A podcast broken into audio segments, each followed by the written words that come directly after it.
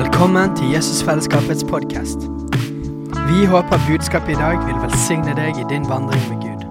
Og om du vil ha mer informasjon om menigheten, kan du gå inn på jesusfellesskapet.no.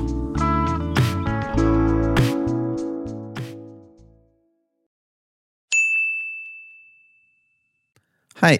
Visste du at Jesusfellesskapet starter en ny bibelskole til høsten? Den heter Jesusskolen og starter den 3. september. Gå inn på jesusskolen.no for mer informasjon. Hallo, hallo, alle sammen. Er dere klar for litt eh, gode nyheter i dag? For i dag har jeg lyst til å bare komme med masse oppmuntringer og gode nyheter. Jeg skulle jo tro at man alltid skulle gjøre det, da, men noen ganger er det jo tid for å utfordre og konfrontere òg. Men dere trenger ikke være redd, for i dag er det oppmuntringsdag. Tenkte det var greit å si med en gang, i tilfelle det er noen som blir nervøs hver gang jeg skal tale. Så Halleluja. Først bare litt sånn her eh, litt sånn eh, det jo, Apropos alle de podkastene. Jeg vet ikke om du er sånn podkastperson. Men vi når jo faktisk tusenvis av mennesker gjennom det. For jeg, jeg så de siste, Bare på Kulturkrigen så er det vel over 7000 bare som eh, har hørt de siste par månedene. Og Mammas hjerte har mye mye flere enn det igjen. Eh, så bare, vi får nå masse folk rundt omkring i hele landet gjennom det. Og det er oppmuntrende, ikke det? Så halleluja. Jeg vil bare nevne litt sånn prak praktisk oppmuntrende før vi går inn i Guds ord. Eh, og, og, masse andre gøye ting som skjer. Der, der var Ottar og Ellinor. Må, må bare rose Ottar og Ellinor litt. Dere kjenner dere de? Ja.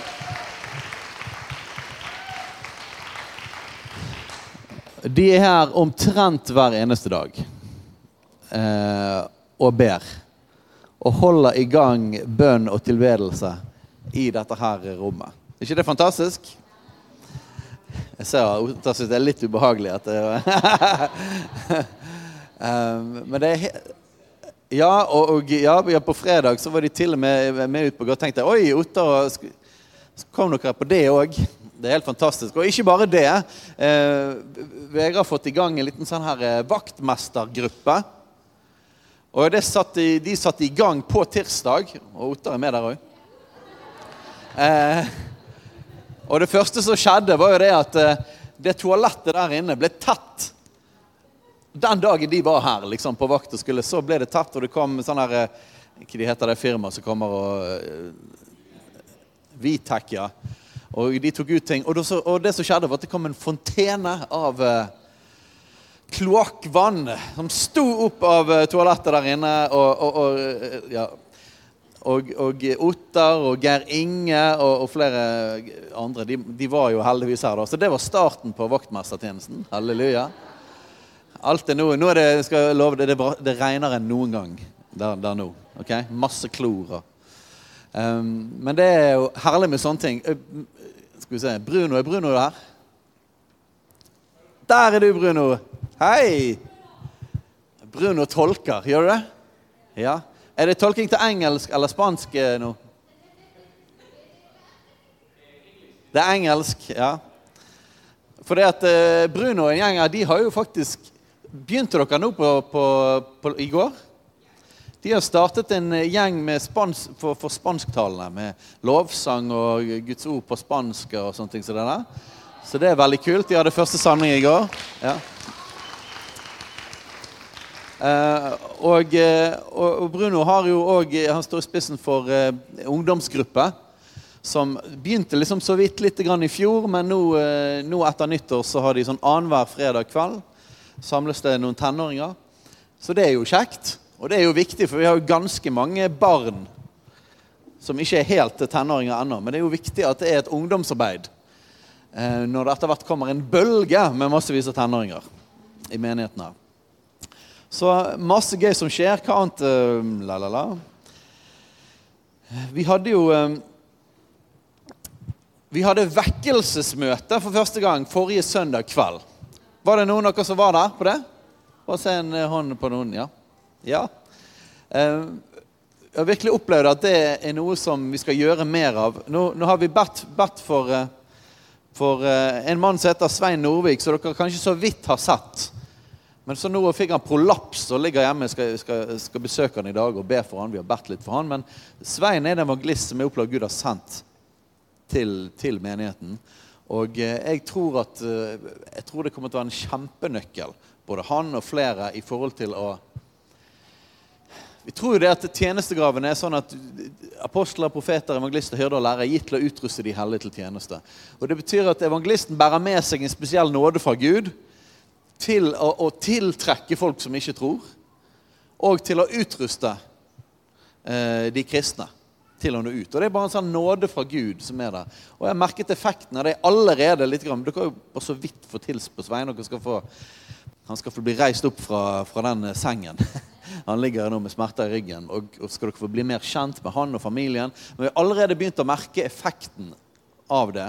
Eh, fikk, eh, jeg fikk hilse på Jeg tror ikke han er her akkurat nå. Nei. Eh, fått en ny venn som heter Ernst, som ble frelst for tre uker siden. Eh, Han presenterte seg som Svein sitt nyttårsbarn. Eh, Jeg skjønte meg ikke helt hva han og så skjønte, Ok, du, han ble, han ble kastet ut eh, fra konen, og så bor han hjemme hos de, og så, så, han, så ble han helbredet i begge knærne sine. Og Svein har jo ledet mange til Jesus oppe på sykehuset, og folk har blitt helbredet mens han sjøl driver og sliter med ryggen. Så sånn er jo det med Guds godhet og nåde. sant? Eh, Og, og, eh, og så ble han frelst på nyttårsaften. Og så kom han på det vekkelsesmøtet der, og så sa jeg da må du komme på disippelskolen. Så kom han på disippelskolen. Og, eh, og, det, og flere andre folk som jeg møtte, som har blitt frelst de siste månedene. Som kom inn. Så mennesker blir, eh, møter Jesus og blir lagt til menigheten. Og vi kommer til å se mye mer av det i tiden fremover. Og jeg syns det var kjempegøy å begynne med de vekkelsesmøtene. Og det kommer også til å være et sted av der sultne, folk som er sultne på Guds kraft og Guds nerver og sånn, fra rundt omkring i byen. Og fra andre menigheter som ønsker å bare komme på besøk, som ikke hører til her, men ønsker å bare komme og søke Gud. Så, så jeg tror disse vekkelsesmøtene en gang i måneden eh, kommer til å bli utrolig viktig. Um, og det er jo veldig old school. Benjamin kom og spurte meg forrige søndag «Hva- hva- hvorfor kaller, det, hvorfor kaller vi det vekkelsesmøter. Og det er et godt spørsmål. For det er jo skikkelig gammeldags. Det er ikke et gammeldags ord. Vi burde funnet et eller annet sykt kult på engelsk. eller noe.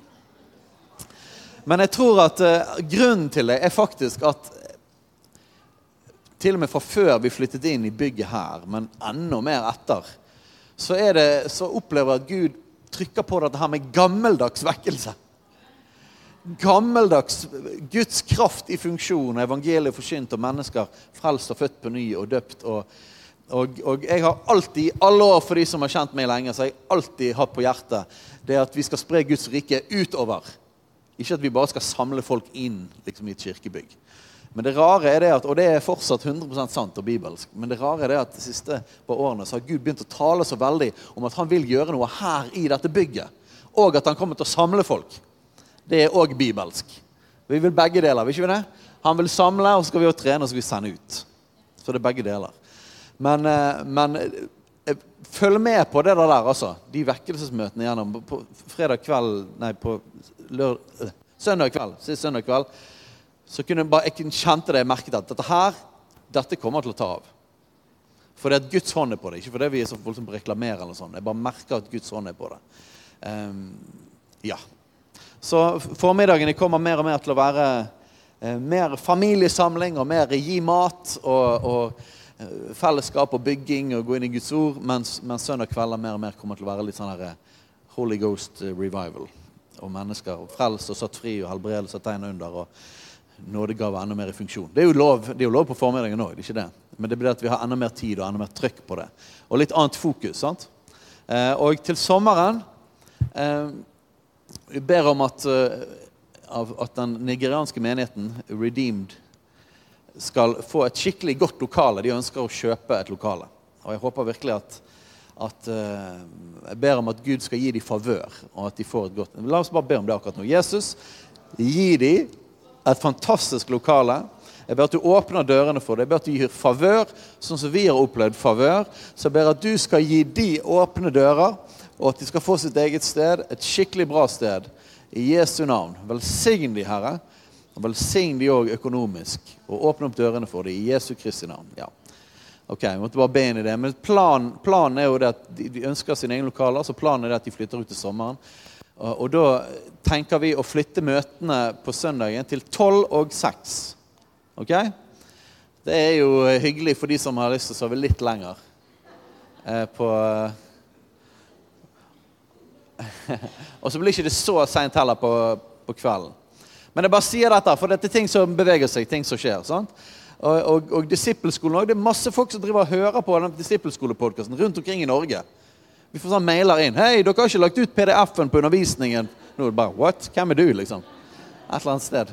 Eh, så det er veldig kjekt. Og, og, spesielt det å ha disippelskolen der vi underviser grunnleggende fundament og identitet og, og, og disippellivet. Og ha den når flere og flere nyfrelste kommer til å komme. Flere og flere som, som blir frelst, kommer til å komme. Så kan vi få det inn i det. Er ikke det bra? Så det er oppmuntrende. Masse ting som skjer.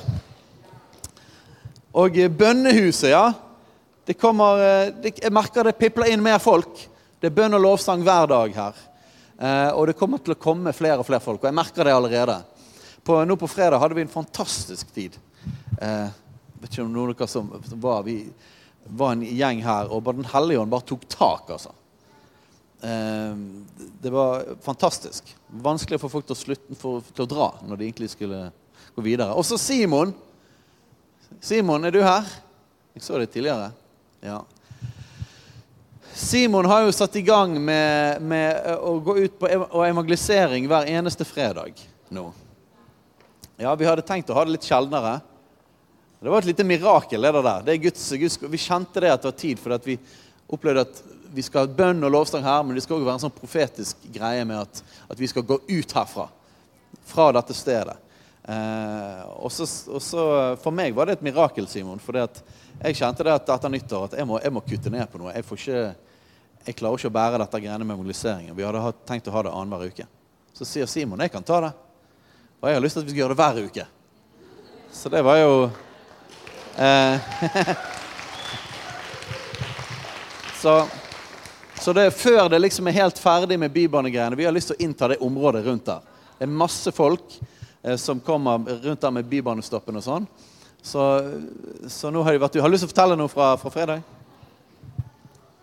Jeg tenkte bare spørre, Er det noen som eh, er her i dag som eh, ble invitert denne fredagen?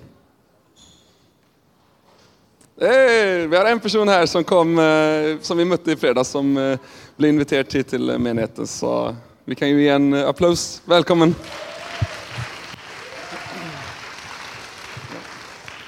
Ja, men Det er veldig kjekt. Så nå var vi noen hundre prosent flere denne gang. Det var Benjamin og jeg og Hvis vi ser um, Nei. Haukeland, er det det? Nei. Hauke Haukenes. Haukenes-familien. Så um, veldig kjekt. Så bare til alle andre, det er helt fritt å bare bli med ut. Man trenger ikke være med to og en halv time, man kan være med en time, og så kan man gå hjem eller komme og gå. Vi kjører for det meste hver fredag klok fra klokken tre til klokken seks. Um, nå, denne gang så kommer det å være profetisk konferanse, så da uh, skipper vi en uke. Ja. Yes. Og, og, tre til seks betyr ikke at du må komme klokken tre og så være med helt til seks, men det betyr at da, det er mulig å henge seg på fra, i hele den tiden. Så om du slutter klokken fire på jobb eller eh, halv fem, eller et eller annet, så er det bare å henge seg på. Yes. Og ja, det var én ting til. Ja, eh, jeg bare skrev ned masse gode ting som skjer. Folk blir kjærester. Folk skal gifte seg. Og folk blir gravide. Halleluja! Det er, det, er et, det, er, det er, gode nyheter, ikke det? Det er et tegn på liv. Amen. Så, så det er bare for flere å bli kjærester også. Det er en favør nå til å bli kjærester og gifte seg, og det er bare å gjøre det kjapt. Halleluja. ok. Neimen eh, La oss eh, slå opp i, i Jesaja. Er dere med på det? Jesaja. Jeg skal bare ta, For det er jo sånn at Guds ord er levende og virksomt. Og det er skarpere enn noe tveget sverd. Det trenger gjennom til det kløver sjel og ånd og ledd og marg og dømmer hjertets tanker og råd. Det står òg at eh, Guds ord det skaper det det sier. så, så jeg har lyst til egentlig bare tale ut, erklære ut, profetere ut Guds ord. Det er jo sånn at det som står i Bibelen, det, det ble jo sagt inn i en spesifikk historisk kontekst. Og skal man undervise Bibelen, skal man liksom gjøre ordentlig bibelundervisning, så bør man jo gå inn i konteksten og historien og, alt rundt og hva var det Gud mente. Eh, men Guds ord er òg, i tillegg til at det var, det var, noe som skjedde før, og det lærer oss noe generelt om, om livet, om verden, om Gud, så er, også, så er ordet òg levende på den måten at han snakker gjennom ordet til oss i dag. Så ordet er et, et profetisk ord til oss. Det er levende og virksomt. Eh, og jeg har i dag lyst til å bare ta ting som Ja, det ble profetert over Israel. For lang, lang tid siden. Juhu! Israel. Eh, men det er òg et ord til oss. Sant? Det er, mis, det er, ikke et misbruk av Guds ord. For så, så lenge, det, så lenge det, det, henger sammen med hvem Gud er, hans karakter, og, og, og i samme linje med evangeliet og det han har gjort, så er det sånn at alle hans løfter alle de tingene han har talt før, det har han talt ut fra den han er. Og han er fortsatt den samme. Så hans ord, det, er til oss i dag òg. Så vi skal begynne i Jesaja 43. Og dere kjenner en del av disse skriftstedene, men jeg har lyst til å bare profetere det over oss. Og jeg kjenner det at Gud har lyst til å gi oss tro og gi oss håp og et løftet blikk i dag. ok? For det at han gjør masse. Og det er håp i alle situasjoner som vi kan være i. Det er alltid håp. Så Jesaja 43, vers 19 Skal jeg bare tale ut disse her tingene. Så står en del vers. Se, jeg gjør noe nytt. Nå skal det spire fram. Nå skal det spire fram. Skal dere ikke kjenne det? Ja, jeg vil gjøre vei i ørkenen, strømmer i ødemarken. Og jeg bare, jeg bare kjenner jeg skal profetere disse tingene. Så hvis du er i en situasjon i ditt liv Jeg har lyst til å tale det inn til deg personlig eh, i din familie, men òg for oss som menighet og byen vår. Jeg har lyst til å tale disse tingene ut. Så hvis du trenger noen av disse ordene, så ta de. Det er Guds ord til deg i dag. Se, jeg gjør noe nytt. Nå skal det spire fram. Jeg liker når det står 'skal'. Ikke bare 'kan'. Jeg tror kanskje det spirer fram. Nei, det skal spire fram. Det er en befaling. Han sa 'bli lys', og det ble lys. Det skal spire fram. Det skal spire fram. Han gjør noe nytt. Skal dere ikke kjenne det? Jeg vil gjøre vei i ørken, strømmer i ødemarken. Hva betyr det for noe? Hva er vei i ørken, strømmer i ødemarken? Ødemarken er ikke et positivt begrep i Bibelen. Ødemarken er der det er tørt, og der det er dødt. Og vei i ørken, strømmer i ødemarken, er altså at der det er dødt, der det er vanskelig, der det var død, skal han gi liv. Der skal han gi liv. Der det er umulig, skal han komme og gjøre det. Det som var det som ingenting er umulig for Gud. Han skal lage strømmer i ødemarken der det ikke er kommet noe vann. Der befaler han at det skal flyte strømmer av levende vann. Jeg skal gjøre strømmer i ødemarken. Markens ville dyr, sjakaler og strutser skal ære meg, fordi jeg gir vann i ørken, strømmer i ødemarken, så mitt folk, mine utvalgte, kan drikke. Halleluja. Så vi takker deg, Gud, for strømmer i ørkenen, og at vi som er ditt folk, dine utvalgte, kan drikke. Han vil gi oss vann der det er tørt. Det er tid for å drikke, folkens. Det folket jeg har dannet meg, skal forkynne min pris. Og Så skal vi hoppe videre ned til vers 25. Jeg, I dag er det bare sånne mannakorn. Jeg skal bare tale ut alle mannakornene. ok? Kan vi ta domsordene en annen gang. Halleluja. Vers 25. Jeg er den som utsletter dine misgjerninger. For min skyld, dine synder, kommer jeg ikke i hu. Halleluja. Jeg er den som utsletter dine misgjerninger. Og jeg liker alle, sant? Jeg liker kraftige ord. Han utsletter, tilintetgjør, tar vekk. Er det gode nyheter? Han utsletter våre synder. Jeg er den. Og det er hans initiativ. Han sier til og med at han gjør det for sin skyld. Sin egen skyld. Han vil det. Det er hans vilje. Han ønsker det. Han utsletter mine, våre misgjerninger for hans skyld, så, hans, så våre synder kommer han ikke mer i hu. Han husker de ikke lenger. Det er slettet vekk. Halleluja. Det er gode nyheter. Og Så går vi noen vers videre her. Det er kapittel 44. Vers 3.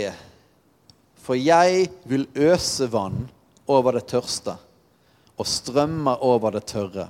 Jeg vil utgyte min ånd over din ett og min velsignelse over din etterslekt.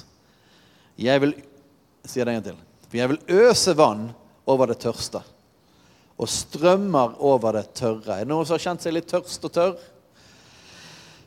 Nå er det et løfte til deg.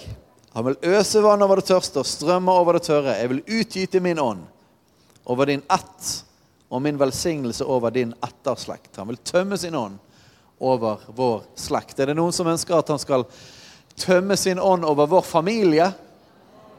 Over vår slekt? Ja, men da tar vi det løftet der. Så for Selv om dette var et profetisk ord i en spesifikk tid, så er dette fortsatt Guds vilje. ikke det? Det er fortsatt, Gud er akkurat den samme. Han vil fortsatt utøse sin ånd. Han vil fortsatt gjøre det over vår familie. Så da tar vi Guds ord, for det skaper det det sier. Så takk, Gud, for at du vil øse vann over det tørste. At hvis det er noen av oss her som er tørste og tørre, så vil du tømme vann over oss. Og du vil utgyte din ånd over vår familie, over vår slekt og velsignelse over min etterslekt, altså de som kommer etter oss. Amen. Gud, vi tar det. Vi takker deg for at du vil velsigne våre barn og våre barnebarn. Og Vi ber òg at, at, både for de som har det vanskelig, utøs din ånd over dem. Og for de som ikke kjenner deg, utøs din ånd over dem, Herre. Vi ber om det. Vi erklærer det i Jesu navn. En vekkelse i familier. Du kaller folk inn. De skal vokse opp som gress blant vann, som piletrær ved bekkene. Halleluja. Ok. Vi skal bare hoppe inn i noen flere, flere steder her i Jesaja. Nå spoler vi litt tilbake. Jesaja 40.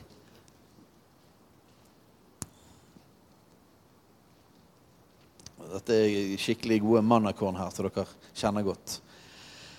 Men Her står det i vers 40, vers, eh, nei, kapittel 40, vers 29. Han gir den trette kraft. Og den som ingen krefter har, gir han stor styrke. Han gir den trette kraft.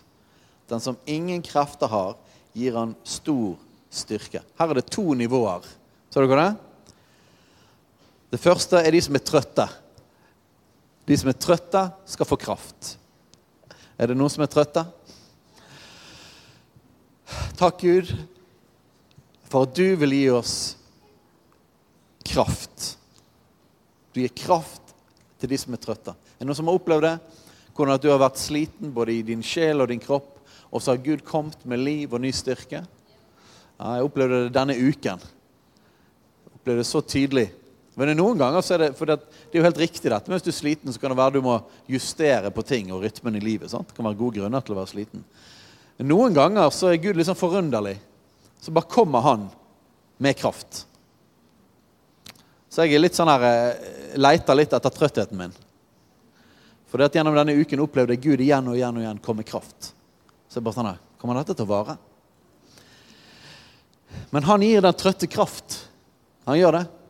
Han er liv. Han er energi. Han er kraft. Han gir kraft til den som er trøtte. Og så er det jo enda bedre her. Og den som ingen krefter har. Her er det snakk om å ikke bare være trøtt. Her er det snakk om at du er helt tom. På moderne norsk kunne vi jo gjerne sagt 'den som er utbrent'. Den som er helt tom. Helt nede. Den gir han stor styrke. Ser dere det? At der er man enda verre tilstand, og så får man enda mer. Det er Guds natur. Og den som ingen krefter har, gir en stor styrke. Vi erklærer det ut i Jesu navn. Over våre liv, over våre familier, over alle i, i, i menigheten, alle i familien, i Jesu Kristi navn, at de som ingen krefter har, de skal få stor styrke. Gutter blir trette og utmattet. Hvorfor er det gutter blir trette og utmattet? Har dere tenkt på det? Ja, Vi har en gutt på åtte år. Han blir også trett og utmattet. Det er fordi han løper så sinnssykt mye. Jeg hentet ham på Leos lekeland i går på en bursdag. Og han var våt fra topp til tå. Gutter blir trette og utmattet. Jenter òg kan bli det, altså. Men det handler jo om at man bruker masse kraft. Da Da kan man bli trøtt og utmattet. Og unge menn snubler. Men de som venter på Herren, får ny kraft. Dette her er en helt vanvittig ting. Og jeg har opplevd det, erfart det i mitt eget liv så mange ganger. Det, det er en ting som jeg tror eh, som, som, som må være utrolig slitsomt for djevelen i forhold til oss. Fordi at han prøver alltid å få oss til å, til å gi opp når noe er slitsomt. Sant? Og så kommer han med, med en ånd av motløshet. Motløshet det tar, det tar all kraft vekk. Så prøver han å få oss til å ikke løfte blikket på Jesus, men se på alle utfordringene rundt oss. Og så siver kraften ut. Sant? Forsvinner det ut. Men, men det fins en ting i Gud som er at det, det, det er uendelig med ny kraft. Uendelig med ny kraft. Og Jeg vet ikke hvor mange ganger jeg har kommet til enden av min kraft og min styrke. Det er ingenting igjen. Og så ligger man bare der og venter på Herren. Og så får man ny kraft. Og så er ikke det min kraft. Det er ikke min og din kraft. Det er hans kraft. Men det er uendelig tilgjengelig. Og det, det, minner meg veldig om sånn spill som jeg spilte på dataspill når jeg var ungdom. Nå er jo 90-tallet begynt å bli inn igjen. Jeg var ungdom på 90-tallet. Og Da var det et spill som het Wolfenstein. Jeg skal ikke beskrive det mer. Men eh, det handlet om å slå fiendene sine. Ja, Det var andre, andre verdenskrigsspill.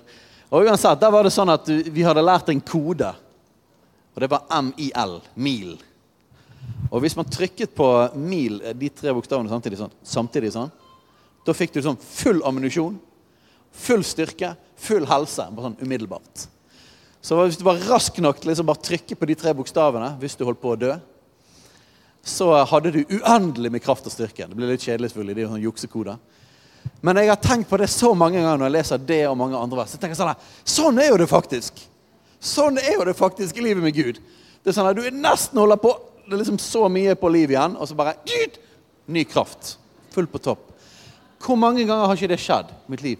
Det gjør det at vi uendelig vi kan, vi kan holde ut uendelig. Ikke på vår kraft. Nei, nei, vår kraft går tom. Men ved hans kraft så kan vi faktisk få ny styrke igjen og igjen og igjen og igjen og igjen. De som venter på Herren, får ny kraft. De løfter vingene som ørner. Ah, Det er veldig fint, ikke det? De løfter vingene som ørner. De løper og blir ikke utmattet. Og Det er sånn kode. De løper og blir ikke utmattet. De går og blir ikke trette. Er Det noen som trenger det ordet i dag. Far, vi takker deg for det. Og så må du gi oss nåde og hjelpe oss og det kan være veldig gode grunner til at vi er utmattet og slitne. Men du, Herre, du har ny kraft for oss.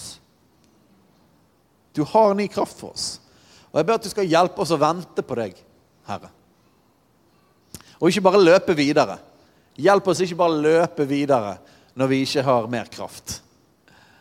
Hjelp oss å stoppe opp og vente på Herren. Og så ber jeg at du skal hjelpe oss til å ikke løpe for fort ikke løpe foran deg, Gud. Tenk, Gud, om vi hadde lært å gå i rett tempo. Å gå og leve i en kontinuerlig påfyll og hvile fra deg. Sånn at vi kan løpe og ikke bli utmattet, og gå og ikke bli trette.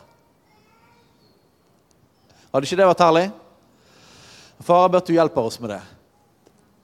Vi lever, i en, vi lever i en kultur med en sånn enorm mengde inntrykk og et enormt tempo. Og vi fyller kalenderne våre mer enn man har gjort i noen gang i historien. Eh, og, og, det er intens, Gud. Det er både intens for kroppen og sinnet vårt. Lær oss, far, å leve i rett tempo. La oss leve på en måte som gjør at vi venter på deg. Skal jeg ta bruke de versene litt. Det er ikke nødvendigvis 100% teologisk korrekt, men det, det er bra likevel. kan det være det at hvis vi kobler de to sammen, da, det å gå og løpe og ikke bli utmattet og det å vente på Herren Kanskje, kanskje det betyr å ikke, ikke, løpe foran Gud hele tiden.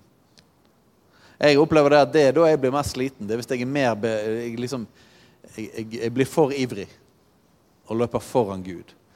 Eh, men det står her altså at det er mulig å løpe og ikke bli utmattet, gå og ikke bli trøtt. Jeg tror at det betyr å løpe i rett tempo. Eller gå i rett tempo. Så det kan være løping. Det kan gå fort, men da må det være det at du løper med han. Sant? Og, og her skal jeg vri litt på disse versene. her. Men kanskje det er sånn at vi må vente på Herren fordi vi hadde løpt foran han. Og så er det det at vi blir helt slått ut fordi vi er fulle tom for krefter. Så må vi vente til han tar oss igjen. Skjønner dere poenget? La oss prøve å løpe og gå i hans tempo. Takk, Gud, for at du vil gi oss uendelig med liv og kraft til alt i livet. Og at du kommer og kompenserer for alle de tingene som også fienden gjør, og utfordringer. kommer du og kompenserer med din nåde og med din kraft. Og til alle ting som du kaller oss til å gjøre, alle ting du sender oss til, så gir du oss kraft. Sånn at vi ikke trenger å leve slitne. Jeg trodde det når jeg var yngre, det at det å være sliten var nesten en sånn uh, virtue. Sant? Fordi at man jobber hardt for Gud. Det tror jeg ikke lenger. for jeg skjønner at jeg får jo ikke det til. Det, det funker ikke, de tingene jeg holder på med. Så det er, noe, det er, ikke noe, å være stolt over å være sliten fordi man har jobbet i egen kraft og ikke vært avhengig av Guds nåde. Men tenk om vi kan få gå i hans tempo, og at vi har liv og kraft til alt som han ber oss om å gjøre. Så får vi gjøre det sammen med han. Hvis vi løper foran, så er det jo sånn at vi, vi gjør det for han. Men hvis vi går sammen med han, så får vi jo gjøre det sammen. og da er det ny kraft. Da er det favør. Jeg syns det var et godt eksempel, akkurat akkurat det jeg sa med jeg var sånn åh, Gud, hvordan skal jeg få til dette greiene med den evangeliseringen? Jeg tror det er du som sa at du skulle gjøre det. Og så viste det seg at jeg skal ikke gjøre det i det hele tatt. Og Simon som skal gjøre det. Halleluja. Og så ble det mer av det fordi at han ville det. Ikke fordi at jeg tenkte at jeg måtte presse det gjennom. Det er bare et lite praktisk bilde for denne konkrete ting denne uken. Men la oss gå i hans tempo. Er dere klar for, eh, for uh, enda et eh, sted? Jesaja 40.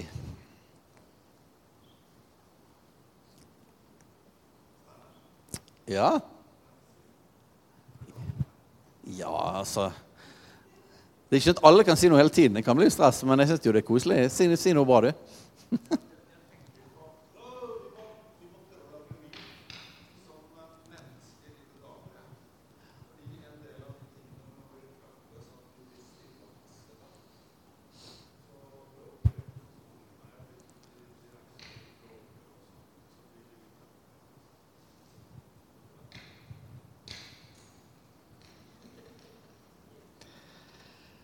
Jesaja 40, vers 1. Trøst, trøst mitt folk, sier deres Gud. Tal vennlig til Jerusalem, og rop til henne at hennes strid er endt, og at hennes skyld er betalt, og at hun av Herrens hånd har fått dobbelt for alle sine synder. Hør, det er en som roper, rydd i ørken vei for Herren, gjør ødemarken en jevn vei for vår Gud. Hver dal skal heves, og hvert fjell og hver haug skal senkes. Det bakkete skal bli til slette, og hamrende til flatt land.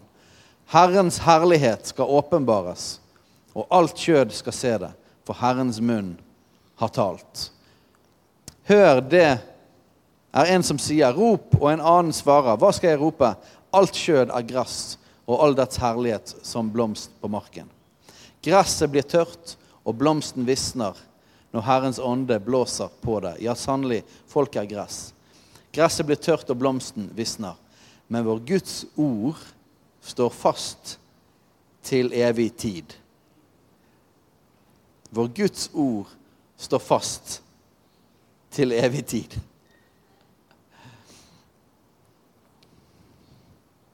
Dette ordet handler egentlig om vi, folkens. Vi er, vi er sårbare. At til og med så er det sånn at vi, vi kan være som gress som eh, vaier i vinden. Vet dere hva, hva Peter eh, het før han fikk det nye navnet Peter? Han het han Simon. Det betyr et siv som vaier i vinden. Husker dere hvordan Peter var? Han var litt sånn, hva han jeg? Spontan og ustabil. Og så sa Jesus du skal ikke Her har du et nytt navn. Du skal hete Peter, Klippen. Og på den klippen skal han bygge sin menighet. Vi kan være som gress, som blomst, som Vi kan være ustabile. Vi kan være sårbare. Men Guds ord står fast til evig tid. Guds ord står fast til evig tid. I Hebreabrevet eh, kapittel 11 vers 3 der står det at eh, ved tro skjønner vi at verden er skapt ved Guds ord. Og at alt eller alt det synlige ble skapt av det usynlige. Så det står noe sånt. Ja, der er det. Så det en kan se, ikke er blitt til av det syne. Verden ble skapt ved, ved tro. skjønner vi at verden er skapt ved Guds ord. Så det en kan se, ikke er blitt til av det synlige. Hva betyr det? Det betyr at vi må forstå at hele verden er konstruert på den måten at, at alt ble skapt ved Guds ord. Hva betyr det? Det betyr at Hans ord det står over alle ting. Det står over alle omstendigheter. For eksempel så sa Gud Det står ikke nøyaktig sånn, men han, men han skapte jo alt ved sitt ord. Så han sa 'bli tyngdekraft'. Sant? Så betyr det at fordi at han sa det, så er det sånn at hvis vi slipper noe, så faller det i bakken. Er vi med på det? Men vi har veldig tro på Vi har veldig tro på de tingene han har skapt. Men noen ganger så glemmer vi at de tingene fins fordi at han sa det. Hva, hva er det det betyr? Ved tro skjønner vi at verden er skapt ved Guds ord. Det betyr at hvis Gud sier noe som er annerledes enn de omstendighetene vi er i, hva er det som er øverst da? Altså Ved tro skjønner vi at verden er skapt ved Guds ord. Så hvis Jesus f.eks. sier eh, Jeg er ikke så veldig god i fysikk, hva, men, men, det er jo sånn at hvis Gud har skapt det sånn at hvis vi prøver å gå opp på vann, så går ikke det an. Er vi med på det? Det er et eller annet, ikke det sånn molekyltetthet og litt forskjellig sånn? Ja. Jeg bare ser på Ingrid og, og Bruce og håper ikke sier et eller annet feil. Samme det. Dere skjønner poenget? Masse tetthet, er det det? Nei. Gud skapte det iallfall sånn at det ikke er meningen å gå på vann. Er vi med på det? Ja, det, Han sa det, han sa det var godt. Så det var Gud sa det, og så ble det sånn. Så det er meningen at vi skal gå igjennom når vi stuper. Men hvis Jesus sier 'kom', ut på vannet, så kan Peter gå på vannet. Hvorfor det? Fordi at naturlovene ble skapt ved ord. Ved hans ord. Så de fins fordi at han sa det. Så hvis han sier noe som er annerledes, så er det fortsatt hans ord som skaper. Er vi med? Så, så det er, det er en, vår virkelighetsforståelse som Guds barn er sånn at vi ved tro så skjønner vi at alt ble skapt ved Guds ord. Som betyr at hvis han sier noe annet enn det vi erfarer, så skulle vi instinktivt skjønne aha, det er det som står øverst. Er vi med? Så vi kan være som blomster og siv, og vi kan blåse hit og dit, men Guds ord står fast til evig tid. Guds ord står fast til evig tid. Det betyr at når Guds ord sier noe annet enn det vi erfarer, så må vi skjønne at han skapte jo verden ved sitt ord. Så når han taler inn sitt ord, så skaper det det det sier. Det er derfor jeg har gått gjennom noen oppmuntrende ord om at hvis det er sånn at ah, men det er ikke min erfaring det at jeg får stor styrke når jeg venter på Herren, så er Gud, Guds ord står fast til evig tid. Hans ord står fast. Det betyr at virkeligheten av, av at vi blir slitne Det er ikke det at det ikke fins. Det fins, men det er på et lavere nivå. Det er en virkelighet, men det er en lavere virkelighet. Det som er høyere virkelighet, er at Guds ord står over det. Så når Guds ord blir talt ut, så har det liksom vetorett over det vi erfarer. Guds ord står fast til evig tid. Ok. Ja, vi tar ett, et siste. Skal vi se 13.00? Ja. Ok, la oss ta, gå til eh,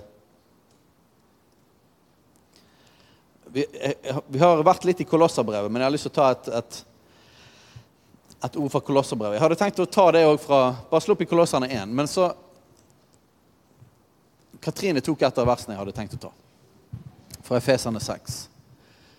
Bli sterke i Herren og Hans veldige kraft. Bli sterke i Herren og Hans veldige kraft. Det betyr at det er kraft tilgjengelig som gjør at vi kan bli sterk i Han. Og han har en veldig kraft som er tilgjengelig for oss. Sant? Og så står det at eh,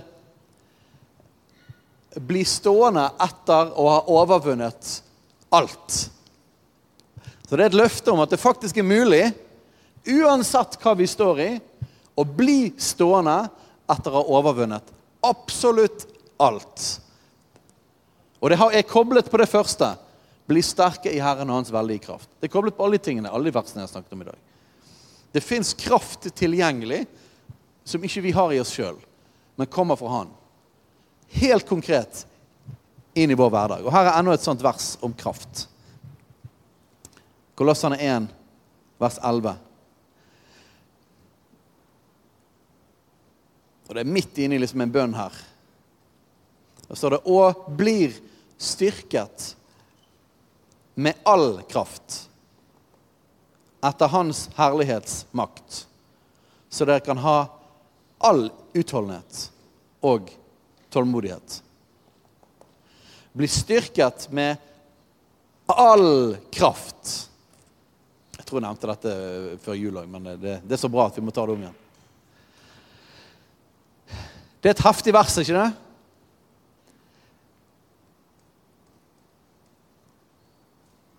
Når vi så på dette med at uh, de som er trøtte, de skal få styrke, og de som ingen krefter har, de skal få stor styrke, så topper jo dette verset det, til og med det. Det betyr at vi kan få all kraft. Vi kan bli styrket med all kraft. Ah, jeg, tror dere får det med dere, men noe av det jeg prøver å formidle i dag, er det at det er ikke bare det at Gud er mektig, men hans makt og kraft har en helt spesifikk, konkret innvirkning på oss. Altså det, det er sånn at dette, Hans storhet er faktisk tilgjengelig for oss inn i vårt hverdagsliv. Helt konkret. Så vi blir styrket med all kraft. Etter Hans herlighetsmakt. Hva betyr det? Så denne her All kraften som vi skal bli styrket med Trenger vi mer enn all kraft, forresten? Hvis vi får all kraft, mangler det noe da? Nei, det er jo det er fullt, sant? Det er fullt opp på liv og ammunisjon og alt sammen. All kraft. Og hvor er det denne her all kraften blir tatt fra, som vi kan få? Som vi kan bli styrket med? Nei, den kommer fra Hans herlighetsmakt. Det er han som har det, da. Hans herlighetsmakt. Og så blir det tatt fra det, og så kan vi bli styrket med den all kraft. Så vi kan ha all utholdenhet og tålmodighet. All utholdenhet og tålmodighet. ikke det litt heftig? Høres ikke det ut som en overdrivelse? All utholdenhet og tålmodighet. Det jeg kjenner at Gud eh, vil gjøre med oss i dag, det er at hvis vi er litt sånn lavt på noen av disse parametrene, så han har lyst til å toppe oss opp med energi og kraft i dag. Med håp. Med å få et løftet blikk. Med at han er stor. Ja, vi vet det. det vi har mange forskjellige utfordringer vi står i, og de er reelle. Vi, det er ikke sånn at vi later som at ikke de fins. Men midt i de så har Gud lovt oss å, bli, å styrke oss med all kraft. Med all utholdenhet og tålmodighet. Tenk å ha all tålmodighet, da. Er det noen som har merket noen gang at du ikke hadde, var helt der? At du hadde all tålmodighet? Men det betyr at det fins i Han. For dette er jo en av åndens frukter. Tålmodighet er en av åndens frukter. Så det fins i Den hellige ånd. Så hva trenger vi da? Skjerpe oss? Nei. Vi trenger å vente på Herren. vi trenger å bli fylt av Hans kraft. Det er det vi trenger. Vi trenger å få løftet blikket. Vi trenger Hans nåde og hjelp til å se opp og så merker vi at vi blir fylt av et ny kraft. Han dekker bord for meg like foran mine fienders øyne. Han salver mitt hode med olje. Mitt beger Det flyter over, ikke det? Når det flyter over, så er det mer enn det vi trenger. Det flyter over. All kraft, så vi kan ha all utholdenhet og tålmodighet. Det er masse masse andre sånne vers i Bibelen. Den er faktisk full av sånne vers som lover hva som er tilgjengelig. Og I Efesene kapittel 1 der står det både om at vi er velsignet med all åndelig velsignelse i himmelen. Og så står det Litt seinere i kapittelet så står det at Paulus han ber om at vi skal få visdomsåpenbaring, sånn at vi skal få, våre hjertes øyne skal få lys. Sånn at vi ser. Basically, Det står det masse herlige ord. Det det, det det, står, er at sånn at vi skal skjønne hva vi har. Så vi skal skjønne hva vi har fått skjønne hva for fantastisk greie vi har fått tilgjengelig ved Hans ånd. Og så sier han på slutten at han har masse fantastiske svulstige ord. Og sier han det var denne kraft han reiste opp Jesus fra de døde med. Så at vi skal få åpenbaring, sånn at vi skal skjønne hva vi har tilgjengelig av hans kraft i oss. Og Det var poenget med det jeg delte i dag. Så skal vi reise oss opp. Og så takker vi deg, Gud for at du har denne all kraft og all utholdenhet og all tålmodighet. Takk for at uh, når vi trenger tålmodighet, det er jo når noe gjør oss utålmodige og irriterte. Når vi trenger utholdenhet, så er det fordi at uh, vi kan bli slitne og lyst til å slutte. Så vi erkjenner det at vi trenger dette. Vi trenger dette, Herre. Herre, vi, eh, vi kan løpe og bli trøtte. Herre, vi kan snuble. Men de som eh, venter på deg, de får ny kraft. Og vi har lyst til å løfte vingene som ørn denne her formiddagen. Og bli minnet om ved ditt ord og ved din ånd at vi har alt det vi trenger tilgjengelig. Så vi ber om det, Herre, for alt det hver eneste en av oss står i. At du skal komme med en ny forfriskning og dose med kraft og liv og håp og tro til oss i dag. Vi takker deg, Gud. Vi takker deg, og vi ærer deg. Vi takker deg for at om vi har syndet, så kan vi få nåde og tilgivelse. Om vi er blitt utslitt, så kan vi få ny kraft. Om vi har mistet fokus, Herre, så kan du ved din nåde hjelpe oss å se på Jesus. Om vi, om vi har ødelagt noe eller står i vanskelige ting, så kan du gjenopprette. Du kan reparere. Og til og med om vi står i en vanskelig ting som ikke løser seg, så kan du gi oss tålmodighet og utholdenhet til å stå. Og så har du sagt at vi kan bli stående etter å ha overvunnet alt. Om vi blir sterke i deg og din veldige kraft. Så vi ber om det, Herre. Kom med din veldige kraft. Skal vi bare ta igjen på slutten nå. Bare ta gjerne legg hendene på noen i nærheten av deg. Visst. Så bare ber vi for hverandre. For denne uken her, for dagene videre. Kom, la oss bli stående etter å ha overvunnet alt, Herre. Kom med din veldige kraft, Herre. Din liv, din overflod. Kom, Hellige Ånd, jeg ber at du salver oss med gledens olje. Jeg ber at du kommer og fyller oss, Herre. Salv vårt hode med olje, så at beger kan flyte over, Herre. Kom og dekk bord for oss, like foran våre fienders øyne. Ja, til og med om vi skulle gå gjennom dødsskyggens dal, Herre, så er du der. Du er med oss, Herre. Du er der med ditt nærvær, Herre. Takk, Herre. Ribba bradashik. Jeg bare så for meg, akkurat når jeg bare sa det, så forst, rett etter det med at jeg går gjennom, selv om jeg går gjennom dødsskyggens dal, så fikk jeg ikke for noen, for du er med meg. Så bare så jeg for meg det som står litt etterpå, du dekker bord for meg like for mine fienders øyne. Så så jeg for meg at, at Gud han faktisk trillet en sånn her cateringbil gjennom dødsskyggens dal. Så det er liksom ikke bare etterpå, når du har kommet gjennom dalen, så skal han dekke bord for deg. Men det var, han dekker bord for deg gjennom dødsskyggens dal. For han er, han er med deg. Ditt beger kan flyte over mens du går gjennom dødsskyggens dal. Så jeg ber at du kommer og dekker bord for oss akkurat nå, at vårt beger får flyte over. Og at, og at, om vi går gjennom daler, så er du med oss. Du er der. Din, din kjepp og din stav, de trøster oss. Liv og kraft, Herre. Og om vi i tider av favør, Herre, så ber vi at du bevarer oss i din nærhet, Herre. I vårt hjerte nær til deg. Og at vi får gå i rett tempo, Herre. Så jeg velsigner deg i Jesu Kristi navn. Amen. Hei, alle sammen. Det er Katrine og Steinar Lofnes her. Vi er hovedledere for Jesusfellesskapet. Så kjekt du har lyttet til denne podkasten. Har du forresten hørt noen av de andre podkastene våre? Ukens tale, Disippelskolen, Hyrdepodden, Kulturkrigen og Mammas hjerte. Du finner disse podkastene på Spotify, Apple Podkaster og på nettsiden vår jesusfellesskapet.no.